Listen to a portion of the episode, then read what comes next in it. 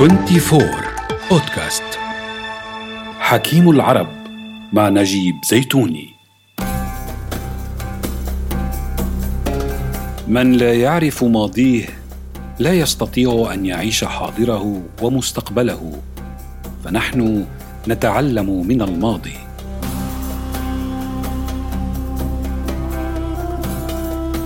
قدم الشيخ زايد بن سلطان آل نهيان. مؤسس دولة الإمارات العربية المتحدة وملهم الأجيال هذه المقولة طريقا واضحا لكل من أراد أن يفهم حاضره ويستشرف غده.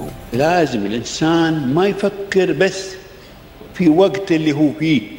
الوقت اللي أنت فيه يا الإنسان لا تفكر فيه بنفسك بس روحك فكر في, في اليوم هذا اللي أنت فيه وفكر في باكر في القرن الخامس قبل الميلاد في دول شرق آسيا كان لكونفوشيوس وهو فيلسوف ومؤلف ومنظر سياسي وحكيم بارز من أشهر الحكماء المؤثرين كان له مقولة شهيرة دراسة الماضي مهمة لمن يريد التخطيط للمستقبل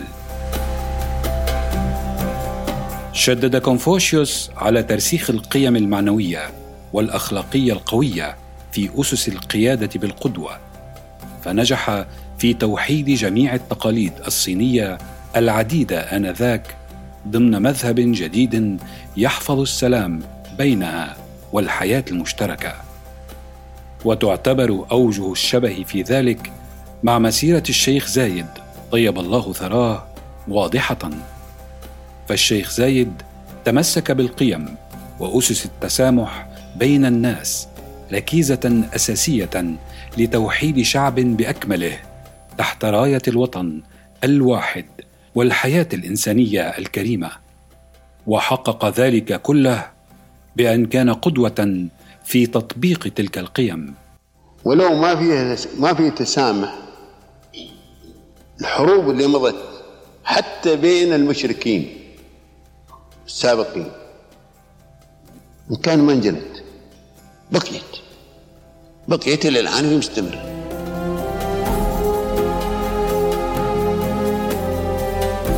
كونفوشيوس أحدث تغيرات إيجابية جذرية في المجتمع الصيني بالحفاظ على تقاليد وعادات مختلفة بين الناس ثم قدمها لهم من خلال طرح متجدد ضمن رضا الجميع. إلا أن الشيخ زايد بتوحيده للإمارات السبع. صنع مجتمعا متجددا طموحا للمزيد وتواقا لمستقبل مشرق. ادراكا منه لأهمية الماضي بكل ما حمل من تراث وتقاليد في صناعة المستقبل. الشيخ زايد طور رؤيته من خلال فهم صوابية خيارات من سبقوه وصانها من أخطائهم فجاءت رؤيته الهاما للإماراتيين وللعالم العربي ككل ولدول العالم قاطبة. نحن بشر. بشر لازم نرشد نسترشد من ارشده ما نسترشد من الهوى. لا نسترشد من ارشده ونسترشد من ظروف الليالي واللي يمر علينا نسترشد.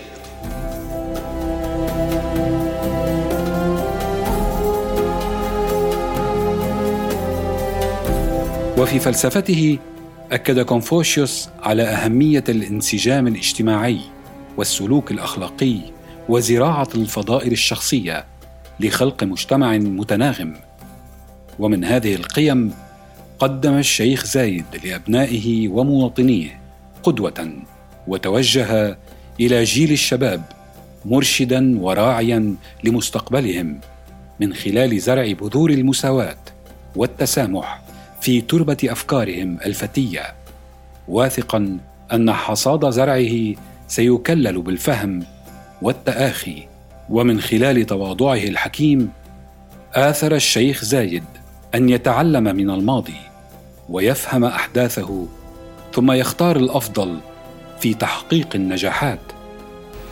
لازم الإنسان انه إذا بي بي بيوجه يوجه لشيء هو متأكد منها أن السار لا ضرر إذا بيوجه لأهله وقوة يوجه لهم شيء سار لا ضرر